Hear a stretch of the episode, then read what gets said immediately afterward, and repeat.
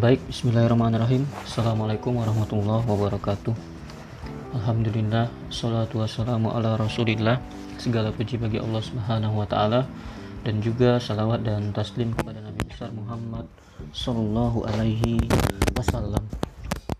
Melanjutkan pertemuan kita yang sempat tertunda karena uh, pekan lalu kita libur ya Uh, pada pertemuan yang ke-9 ini, ya, kita masih pertemuan ke-9 di saat orang lain sudah pertemuan ke-10. Uh, di pertemuan ke-9 ini, uh, saya akan membawakan materi pada teman-teman terkait dengan mata kuliah sosiologi politik ini, di mana materi ini adalah berjudul uh, demokrasi. Materi pada pertemuan ke-9 ini adalah mengenai demokrasi. Silakan teman-teman dengarkan ya dari awal hingga nanti berakhir ya. Supaya teman-teman uh, dapat uh, manfaat ya semoga apa yang saya sampaikan nanti itu dapat menjadikan tambahan ilmu pada teman-teman. Uh, baik terkait dengan demokrasi, kita akan terlebih dahulu membahas mengenai makna dan hakikat uh, demokrasi. Ya, tentu, tentunya ini teman teman-teman sudah pasti sudah pernah mempelajari ya mengenai apa itu demokrasi. Mungkin bahkan dari sekolah gitu kan, dari masa uh, sekolah menengah atas juga juga uh, saya rasa sudah dipelajari uh, oleh guru-gurunya mengenai demokrasi. ya, kita mulai dari makna dan hakikat demokrasi. Ya, demokrasi ya sebagai suatu sistem itu telah dijadikan alternatif dalam berbagai tatanan aktivitas bermasyarakat dan bernegara di beberapa negara. Seperti diakui oleh Muhammad eh, Mahfud MD ya ada dua alasan dipilihnya demokrasi sebagai sistem bermasyarakat dan bernegara. Alasan yang pertama, ya, hampir semua negara di dunia ini telah menjadikan demokrasi sebagai asas yang fundamental. Dan alasan yang kedua, ya, demokrasi sebagai asas kenegaraan secara esensial itu telah memberikan arah bagi peranan masyarakat untuk menyelenggarakan negara sebagai organisasi tertingginya. Ya, oleh karena itu, ya, diperlukan pengetahuan dan pemahaman yang benar pada warga masyarakat tentang demokrasi. Ya, pengertian demokrasi itu dapat dilihat dari tinjauan bahasa atau epistemologis dan istilah bahasa yaitu terminologis. Ya. Jadi biasanya kalau ada istilah-istilah yang perlu dicari uh, artinya itu ada disinggung ber, uh, berdasarkan uh, tinjauan bahasa atau epistemologis ya dan tinjau, tinjauan istilah yaitu terminologis ya. Nah, secara epistemologis ya demokrasi itu terdiri dari dua kata yang berasal dari bahasa Yunani yaitu demos ya yang berarti rakyat atau penduduk suatu tempat dan kretein ya atau kratos yang berarti kekuasaan atau kedaulatan. Ya, jadi secara bahasa ya, demos kratein atau demos kratos adalah ya, keadaan negara di mana dalam sistem pemerintahannya kedaulatan berada di tangan rakyat ya. Kemudian kekuasaan tertinggi berada dalam keputusan bersama rakyat. Kemudian rakyatnya berkuasa. Kemudian pemerintah rakyat dan oleh rakyat. Ya, ini pengertian yang umum ya, yang teman-teman saya rasa sudah tahu, sudah pernah disampaikan oleh guru-gurunya mungkin waktu masa-masa sekolah. Ya, sementara itu, ya, pengertian demokrasi secara secara istilah sebagaimana dikemukakan e, para ahli adalah sebagai berikut. Yang pertama adalah menurut Joseph A. Schemer, ya, dia mengatakan bahwa demokrasi ya, merupakan suatu perencanaan institusional untuk mencapai keputusan politik di mana individu-individu memperoleh kekuasaan untuk memutuskan cara perjuangan kompetitif atas suara rakyat.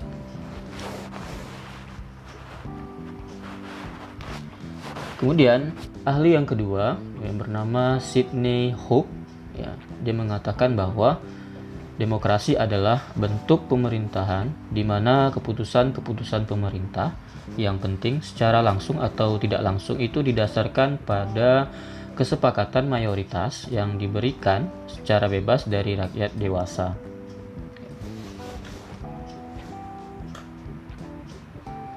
Kemudian menurut Philip C. Smither dan Terry Lynn Carl, dia mengatakan bahwa demokrasi sebagai suatu sistem pemerintahan di mana pemerintah dimintai tanggung jawab atas tindakan-tindakan mereka di wilayah publik oleh warga negara yang bertindak secara langsung melalui kompetisi dan kerjasama dengan para wakil mereka yang terpilih.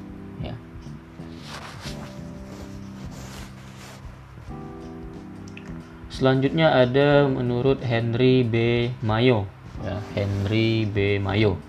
Dia mengatakan bahwa demokrasi itu sebagai sistem politik merupakan suatu sistem yang menunjukkan bahwa kebijakan umum itu ditentukan atas dasar mayoritas oleh wakil-wakil yang diawasi secara efektif oleh rakyat dalam pemilihan-pemilihan berkala yang didasarkan atas prinsip kesamaan politik dan diselenggarakan dalam suasana terjaminnya kebebasan politik. Ya, kemudian Afan Gafar eh, di bukunya di tahun 2000 memaknai demokrasi dalam dua bentuk. Yang pertama adalah pemaknaan secara normatif dan yang kedua adalah pemaknaan secara empirik ya. atau demokrasi normatif dan demokrasi empirik. Nah, apa itu demokrasi normatif? Menurut Afan Gafar, demokrasi normatif adalah demokrasi yang secara ideal hendak dilakukan oleh sebuah negara. Sedangkan demokrasi empirik menurut Afan Gafar ya, itu adalah demokrasi dalam perwujudannya pada dunia politik praktis. Ya. Saya ulang, kalau demokrasi normatif adalah demo demokrasi yang secara ideal hendak dilakukan oleh sebuah negara. Ya, ya, ya umum ya, umum. Sedangkan demokrasi empirik adalah demokrasi dalam perwujudan perwujudannya pada dunia politik praktis berarti dia lebih sempit lagi ya. Demokrasi yang hanya uh, bisa nampak ya pada wujud dunia politik saja ya. Ya, makna demokrasi sebagai dasar hidup bermasyarakat dan bernegara itu mengandung pengertian bahwa rakyatlah yang memberikan ketentuan dalam masalah-masalah mengenai kehidupannya termasuk dalam menilai kebijakan ya dalam menilai kebijakan negara ya, karena kebijakan negara tersebut akan menentukan kehidupan rakyatnya. Ya, dengan demikian ya, negara yang menganut sistem demokrasi adalah negara yang diselenggarakan berdasarkan kehendak dan kemauan rakyat. Ya, dari sudut organisasi ya, Demokrasi berarti pengorganisasian negara yang dilakukan oleh rakyat sendiri atau atas persetujuan rakyat karena kedaulatan di tangan rakyat.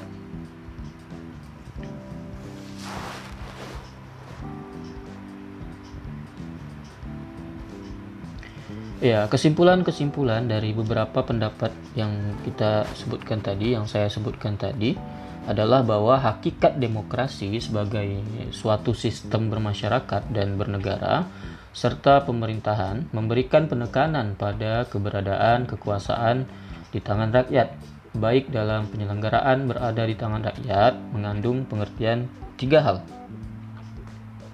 Yang pertama ya, ya dari pengertian uh, dari definisi definisi politik tadi uh, demokrasi tadi maaf itu mengandung tiga hal setidaknya mengandung tiga hal ya setelah disimpulkan yang pertama adalah pemerintahan dari rakyat atau government of the people. Hal yang pertama adalah pemerintahan dari rakyat atau government of the people. Ya, ini mengandung pengertian yang berhubungan dengan pemerintah yang sah dan diakui atau legitimate government di mata rakyat, ya. Sebaliknya, ada pemerintahan yang tidak sah dan tidak diakui atau unlegitimate government. Pemerintahan yang diakui adalah pemerintahan yang mendapat pengakuan dan dukungan oleh rakyat. Pentingnya legitimasi bagi suatu pemerintahan adalah pemerintah dapat menjalankan roda birokrasi dan program-programnya ya. Jadi ada pemerintahan yang sah dan ada yang pemerintahan yang tidak sah ya. Kemudian hal yang kedua adalah pemerintahan oleh rakyat. Kalau tadi dari rakyat, ya, kalau sekarang adalah pemerintahan oleh rakyat atau government by the people. Ya, tadi of the people, sekarang by the people. Pemerintahan oleh rakyat berarti bahwa suatu pemerintahan menjalankan kekuasaan atas nama rakyat, bukan atas dorongan sendiri. Pengawasan yang dilakukan oleh rakyat atau social control itu dapat dilakukan secara langsung oleh rakyat maupun tidak langsung, yaitu melalui DPR. Ya. Kemudian hal yang ketiga, hal yang ketiga adalah pemerintahan untuk rakyat atau government of the people. Eh, maaf government for the people. Ya karena pertama of the people. Kemudian yang kedua by the people. Yang ketiga adalah for the people untuk rakyat. Ya. ini mengandung pengertian bahwa kekuasaan yang diberikan oleh rakyat kepada pemerintah itu dijalankan untuk kepentingan rakyat. Pemerintah diharuskan menjamin adanya kebebasan seluas-luasnya pada rakyat dalam menyampaikan aspirasinya baik melalui media pers maupun secara langsung. Yaitu tadi ya eh, makna demokrasi ya yang perlu temu, perlu teman-teman ketahui atau yang bagi yang ada terlupa mungkin dalam pembahasan yang lalu ya bisa sebagai eh, penambah ya pelengkap definisi mengenai makna dan hakikat dari demokrasi. Selanjutnya kita masuk ke poin yang kedua, ya, poin kedua dari pembahasan demokrasi, ya, yaitu demokrasi sebagai pandangan hidup. Demokrasi sebagai pandangan hidup. Ya menurut Nurkolis Majid, ya, demokrasi bukanlah kata benda, tetapi lebih merupakan kata kerja yang mengandung makna sebagai proses dinamis Demokrasi adalah proses menuju dan menjaga civil society, ya, rakyat sipil, masyarakat sipil yang menghormati dan berupaya merealisasikan nilai-nilai demokrasi. Ya. Pengertian ini diambil dari buku Sukron Kamil di tahun 2002. Ya. Ada tujuh norma-norma dan pandangan hidup demokratis yang dikemukakan oleh Nurkolis Majid ya, sebagai berikut. Ya. Yang pertama adalah pentingnya kesadaran akan pluralisme. Ya. Pentingnya kesadaran akan pluralisme. Ya, hal ini tidak sekedar pengakuan pasif ya atau yang bersifat pasif akan kenyataan masyarakat yang majemuk lebih dari itu, kesadaran akan kemajemukan menghendaki tanggapan yang positif terhadap kemajemukan itu sendiri secara aktif. Kesadaran akan pluralitas itu sangat penting dimiliki bagi rakyat Indonesia sebagai bangsa yang sangat beragam dari sisi etnis, ya, bahasa, budaya, agama, dan potensi alamnya. Kemudian yang kedua adalah musyawarah yang kedua adalah musyawarah.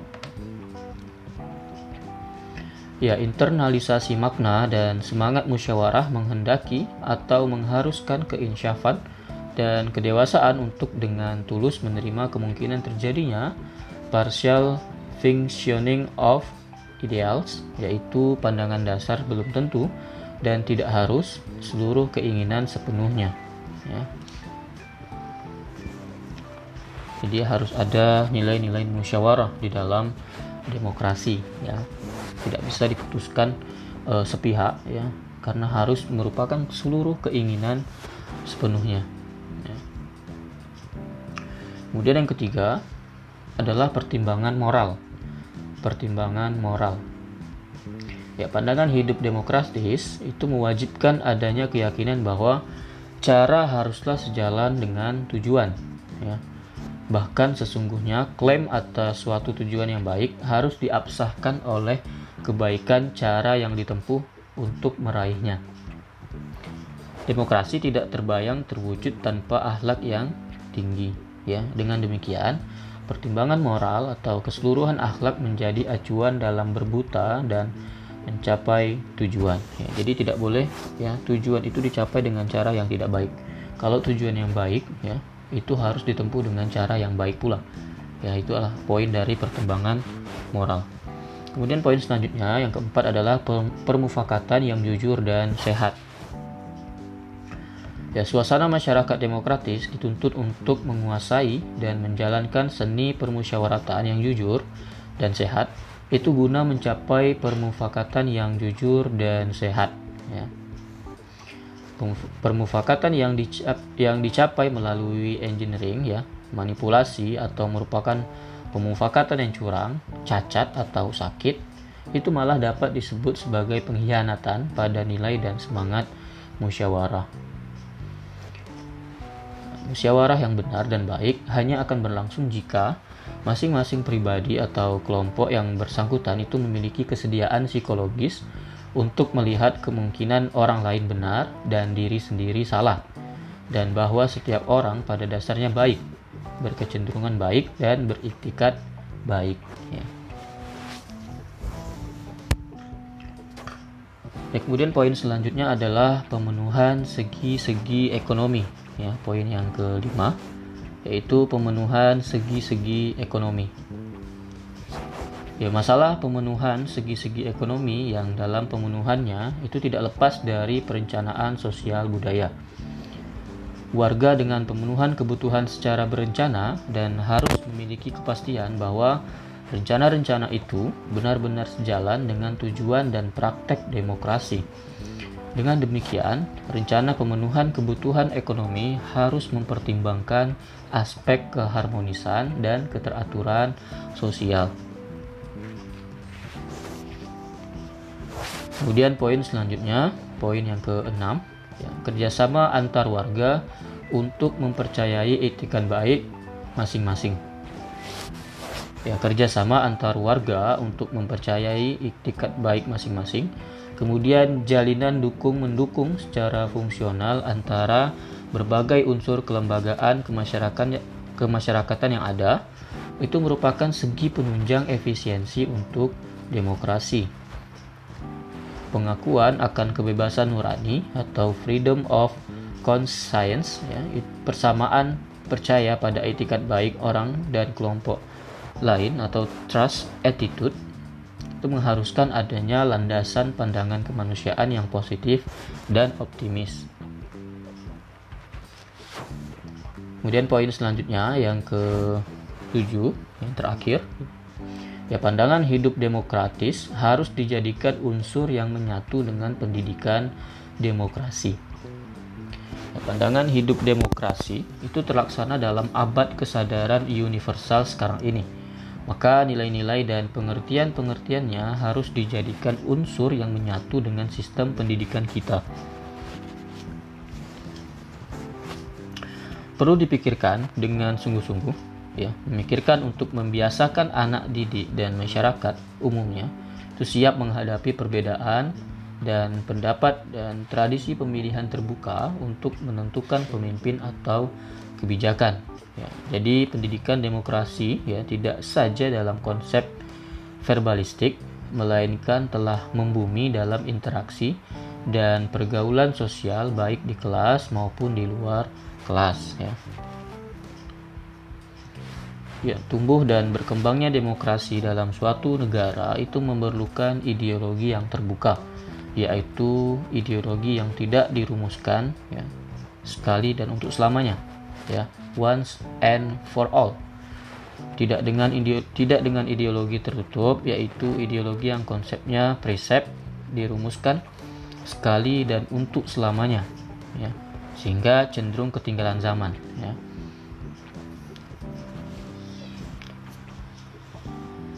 ya salah satu uh, ideologi yang cenderung ketinggalan zaman adalah bisa dikatakan salah satunya adalah ideologi komunisme ya. Dia tertutup. Tertutup ya dan dia juga punya konsep yaitu sekali dan untuk selamanya ya. Ya dalam konteks ini Pancasila sebagai ideologi negara harus ditatap dan ditangkap sebagai ideologi terbuka yaitu lepas dari kata literalnya dalam pembukaan UUD 1945. Penjabaran dan perumusan prinsipnya harus dibiarkan terus berkembang seiring dengan dinamika masyarakat dan pertumbuhan kualitatifnya tanpa membatasi kewenangan penafsiran hanya pada suatu lembaga resmi seperti di negeri-negeri komunis. Oleh karena itu, ya, ideologi negara Pancasila Indonesia itu dalam perjumpaannya dengan konsep dan sistem demokrasi terbuka terhadap kemungkinan proses-proses trial and error, coba dan salah ya.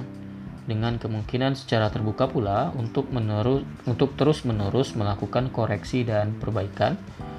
Justru titik kuat suatu ideologi yang ada pada suatu negara ketika berhadapan dengan demokrasi ya adalah keterbukaan. Jadi negara yang menganut paham demokrasi itu harus berkonsep atau berprinsip sebagai negara yang terbuka ya. Karena demokrasi dengan segala kekurangannya adalah kemampuannya untuk mengoreksi dirinya sendiri melalui keterbukaannya itu ya. Jadi bila demokrasi ingin tumbuh dan berkembang dalam negara kita, negara Indonesia, yang mana kita mempunyai eh, ideologi Pancasila itu kita harus ya ideologi ideologi kita harus uh, sebagai ideologi yang terbuka ya. ya ada beberapa syarat-syarat ya dikatakan sebagai negara demokrasi ada enam syarat ya enam syarat negara itu disebut sebagai negara demokrasi ya. syarat yang pertama adalah perlindungan konstitusional ya. Syarat yang pertama adalah perlindungan konstitusional. Kemudian syarat yang kedua adalah badan kehakiman yang bebas dan tidak memihak. Ya. Badan kehakiman yang bebas dan tidak memihak. Syarat yang ketiga harus memiliki pemilu yang bebas. Ya, pemilu yang pemilihan umum yang bebas. Syarat yang keempat, adanya kebebasan untuk menyatakan pendapat. Ya, kebebasan untuk menyatakan pendapat. Dan syarat yang kelima adalah kebebasan yang berserikat. Dan syarat yang terakhir, yang keenam adalah pendidikan keluarga negaraan. Ya, perlindungan secara konstitusional itu atas hak-hak warga negara Berarti hak-hak warga negara itu dilindungi oleh konstitusi atau undang-undang dasar. Badan kehakiman atau peradilan yang bebas dan tidak memihak artinya badan atau lembaga itu tidak dapat dicampur tangani oleh lembaga mana pun, termasuk pemerintah, serta dia bertindak adil. Ya. Kemudian poin yang ketiga tadi pemilu yang bebas Ya, pemilihan umum yang bebas artinya adalah pemilihan umum yang dilakukan sesuai dengan hati nurani tanpa adanya tekanan atau paksaan dari pihak mana pun. Ya. Kemudian eh, penjelasan dari kebebasan untuk menyatakan pendapat di poin 4 itu maksudnya adalah kebebasan warga negara untuk menyatakan pendapatnya dalam kehidupan berbangsa dan bernegara baik secara lisan maupun tulisan. Kemudian di poin yang kelima yaitu kebebasan berserikat atau kebebasan berorga, berorganisasi. Ya, itu maksudnya adalah kebebasan warga negara untuk menjadi anggota organisasi politik maupun organisasi kemasyarakatan. Nah, jadi kita diberikan kebebasan untuk silakan mau gabung ke organisasi politik kah atau mas mau masuk ke organisasi kemasyarakatan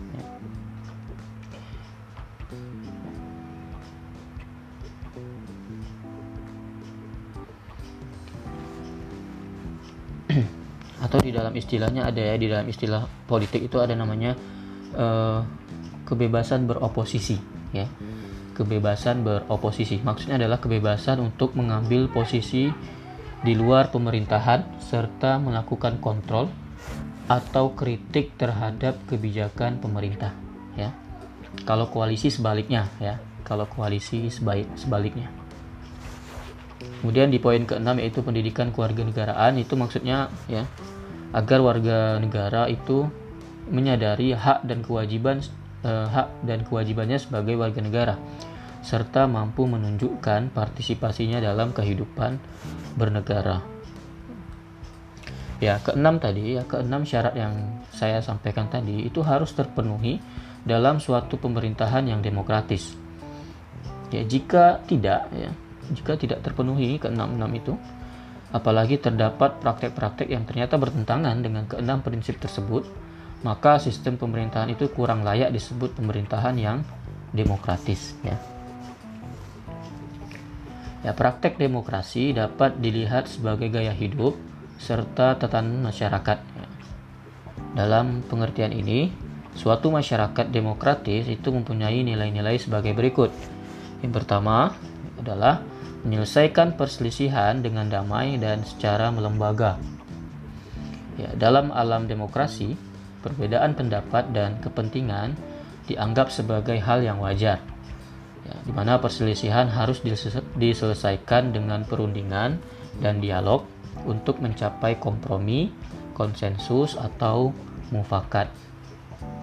Kemudian yang kedua, ya, nilai-nilai yang kedua dari suatu masyarakat demokratis adalah menjamin terselenggaranya perubahan dalam masyarakat secara damai atau tanpa gejolak. Pemerintah harus dapat menyesuaikan kebijaksanaannya terhadap perubahan-perubahan tersebut dan mampu mengendalikannya. Kemudian nilai-nilai yang ketiga, menyelenggarakan pergantian kepemimpinan secara teratur. Ya, di dalam masyarakat demokratis, pergantian kepemimpinan atas dasar keturunan ya. Kemudian pengangkatan diri sendiri ya. Dan perebutan kekuasaan dianggap sebagai cara-cara yang tidak wajar ya. kemudian nilai yang keempat adalah menekan penggunaan kekerasan seminimal seminimal mungkin ya. Menekan penggunaan kekerasan seminimal mungkin Golongan minoritas yang biasanya akan terkena paksaan akan lebih menerimanya apabila diberi kesempatan untuk ikut merumuskan kebijakan. Ya merumuskan kebijakan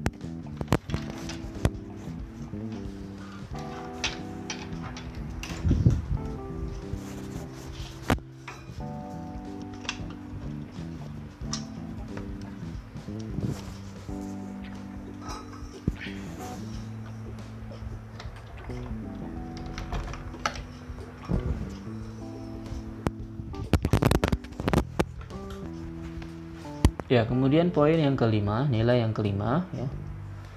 Mengakui dan menganggap wajar adanya keanekaragaman. Ya, untuk itu perlu terciptanya masyarakat yang terbuka dan kebebasan politik dan tersedianya berbagai alternatif dalam tindakan politik. Ya, namun demikian, keanekaragaman itu tetap berada dalam kerangka persatuan bangsa dan negara. Kemudian nilai yang keenam ya, menjamin tegaknya suatu keadilan. Ya, di dalam masyarakat demokratis, ya, keadilan merupakan cita-cita bersama yang menjangkau seluruh anggota masyarakat.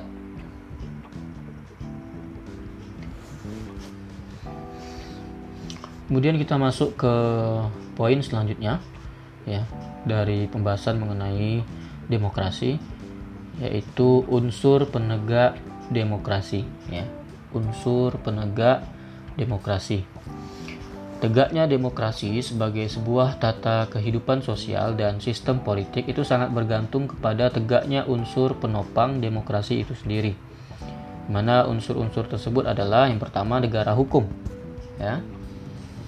Dalam kepustakaan ilmu hukum di Indonesia, istilah negara hukum sebagai terjemahan dari Rechtsstaat ya, Rechtsstaat, maaf, dan rule of law Konsepsi perlindungan hukum bagi warga negara itu memberikan perlindungan hukum bagi warga negara melalui perlembagaan peradilan yang bebas dan tidak memihak dan penjaminan hak asasi manusia.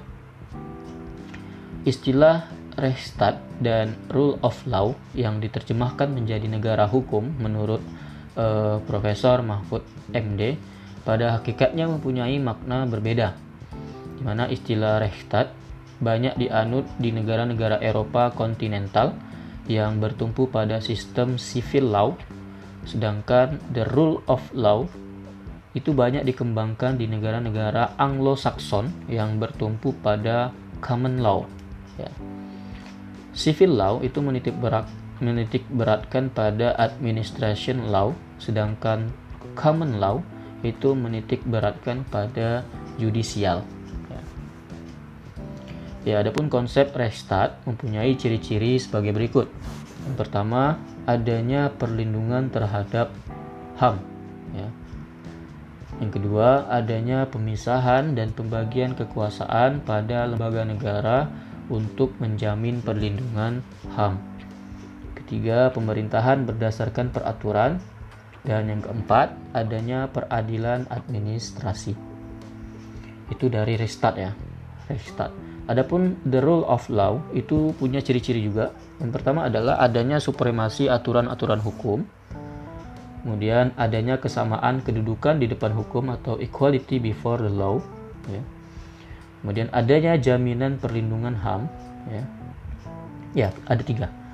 Adanya jaminan perlindungan HAM. Ya.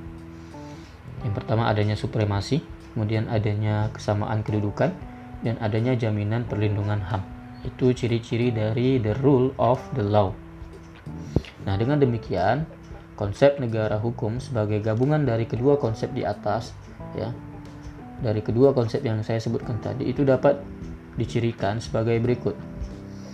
Yang pertama, adanya perlindungan terhadap HAM. Yang kedua, adanya supremasi hukum dalam penyelenggaraan pemerintahan. Kemudian yang ketiga, adanya pemisahan dan pembagian kekuasaan pada lembaga negara. Keempat, adanya lembaga peradilan yang bebas dan mandiri.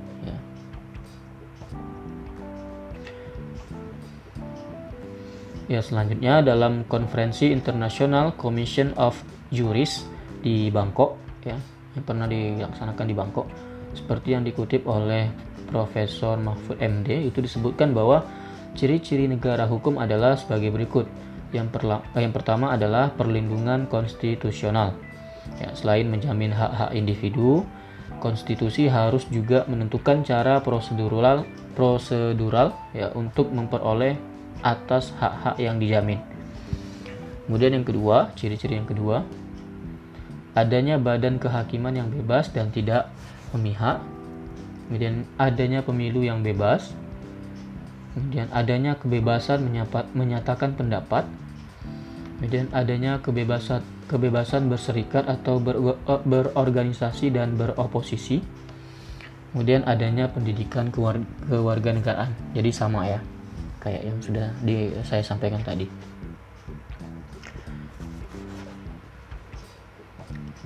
Ya, menurut pembahasan tadi ya yang kita bahas barusan itu bahwa negara hukum baik dalam arti formal yaitu penegakan hukum yang dihasilkan oleh lembaga legislatif dalam penyelenggaraan negara maupun negara hukum dalam arti material yaitu selain menegakkan hukum aspek keadilan juga harus diperhatikan menjadi prasyarat terwujudnya demokrasi dalam kehidupan berbangsa dan bernegara.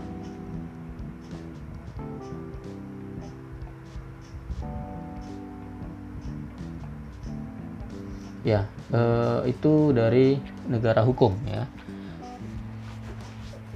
unsur yang pertama dari penegak demokrasi adalah negara hukum. Kita masuk ke unsur yang kedua dari negara demokrasi. Unsur kedua dari uh, penegak demokrasi. Ya. Kalau yang pertama itu negara hukum, yang kedua adalah masyarakat madani, ya, masyarakat madani atau civil society. Ya. Ya, masyarakat madani ya, dicirikan dengan masyarakat yang terbuka, masyarakat yang bebas dari pengaruh kekuasaan dan tekanan negara, kemudian masyarakat yang kritis dan berpartisipasi aktif, serta masyarakat yang egaliter. Ya.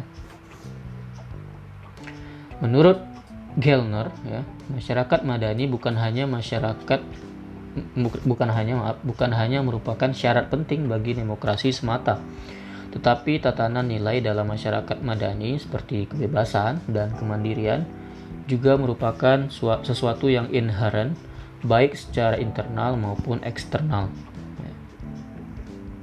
Kemudian unsur penegak demokrasi yang ketiga adalah infrastruktur politik. Ya. ya, infrastruktur politik itu terdiri dari partai politik atau political party, yaitu kelembagaan politik yang anggota-anggotanya mempunyai orientasi, kemudian nilai-nilai dan cita-cita yang sama kelompok gerakan atau movement group yaitu merupakan sekumpulan orang yang berhimpun dalam suatu wadah organisasi pada pemberdayaan warganya. Kelompok penekan atau kelompok kepentingan atau pressure interest group yaitu kelompok sekelompok orang dalam wadah organisasi yang didasarkan pada kriteria profesionalitas dan keilmuan tertentu. Jadi infrastruktur politik itu terdiri dari partai politik, kemudian kelompok gerakan, ya, kemudian kelompok penekan atau kelompok kepentingan, kepentingan, ya.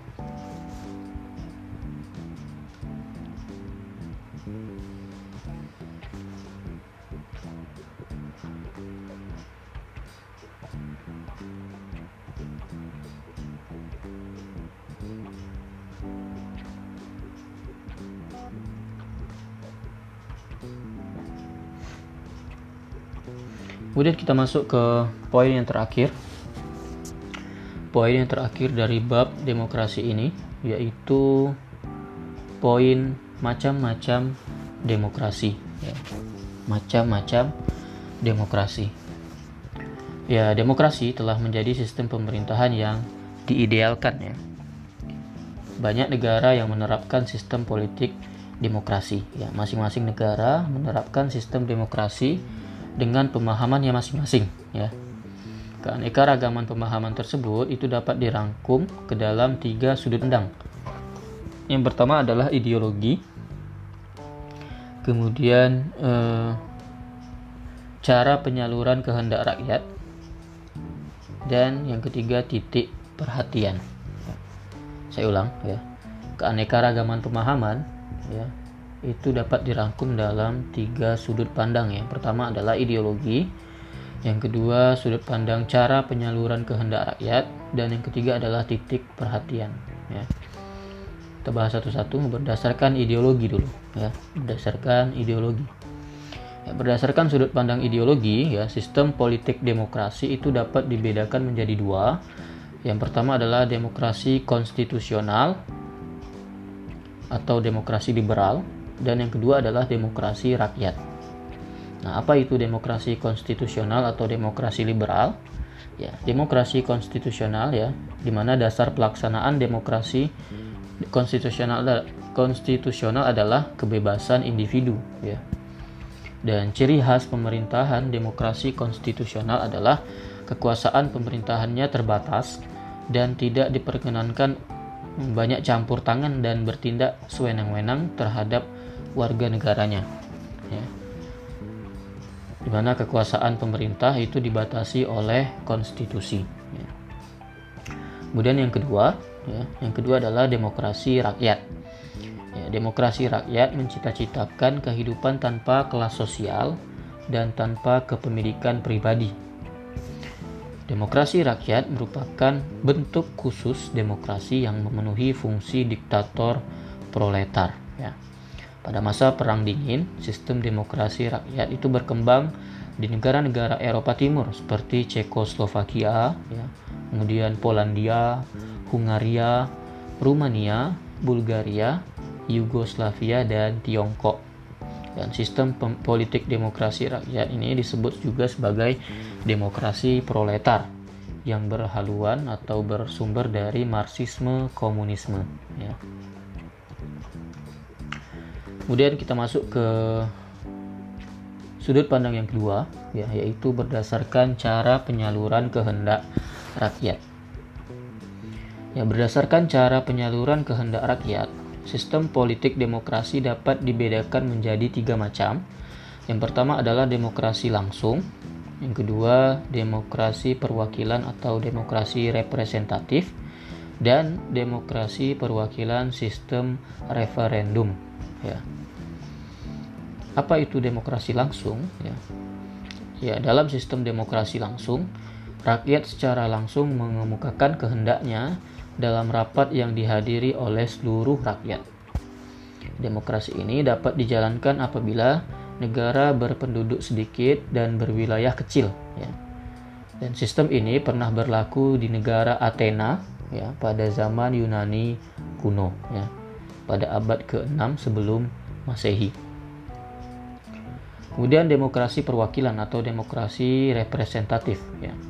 Di masa sekarang, bentuk demokrasi yang dipilih adalah demokrasi perwakilan. Hal ini disebabkan jumlah penduduk terus bertambah dan wilayahnya luas sehingga tidak mungkin menerapkan sistem demokrasi langsung. Ya.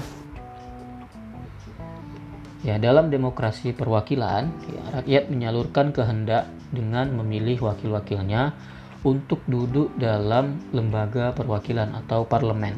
Ya. Dan yang ketiga adalah demokrasi perwakilan sistem referendum. Demokrasi perwakilan dengan sistem referendum merupakan gabungan antara demokrasi langsung dan demokrasi perwakilan. Jadi rakyat memilih wakil mereka untuk duduk dalam lembaga perwakilan, tetapi lembaga perwakilan tersebut dikontrol oleh pengaruh rakyat dengan sistem referendum dan inisiatif rakyat. Kemudian ber, e, sudut pandang yang ketiga ya, berdasarkan titik perhatian. Ya berdasarkan titik perhatiannya, ya, sistem politik demokrasi itu dibedakan menjadi tiga macam. Yang pertama adalah demokrasi formal, yang kedua demokrasi material, dan yang ketiga adalah demokrasi gabungan. Ya. Apa itu demokrasi formal? Demokrasi formal disebut juga demokrasi liberal atau demokrasi model Barat. Ya. Demokrasi formal adalah suatu sistem politik demokrasi yang menjunjung tinggi persamaan dalam bidang politik tanpa disertai upaya untuk mengurangi atau menghilangkan kesenjangan dalam bidang ekonomi. Ya, dalam demokrasi formal, semua orang dianggap mempunyai derajat dan hak yang sama. Kemudian yang kedua adalah demokrasi material. Demokrasi material Demokrasi material adalah sistem politik demokrasi yang menitik beratkan pada upaya-upaya menghilangkan perbedaan dalam bidang-bidang ekonomi, ya, sedangkan persamaan bidang politik kurang diperhatikan, bahkan kadang-kadang dihilangkan. Usaha untuk mengurangi perbedaan di bidang ekonomi itu dilakukan oleh partai penguasa dengan mengatasnamakan negara, di mana segala sesuatu sebagai hak milik negara dan hak milik pribadi itu tidak diakui. Dan yang ketiga adalah demokrasi gabungan. Ya, demokrasi gabungan adalah demokrasi yang menggabungkan kebaikan serta membuang keburukan demokrasi formal dan demokrasi material.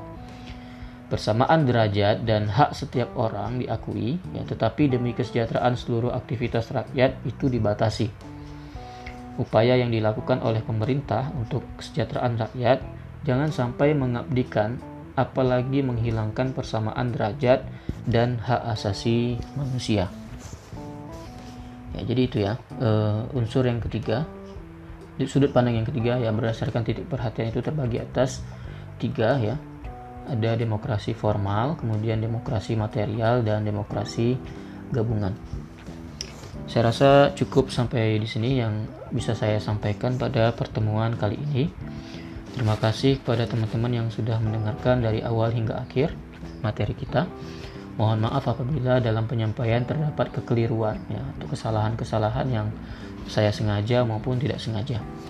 Saya akhiri dengan bila taufik wal hidayah. Assalamualaikum warahmatullahi wabarakatuh.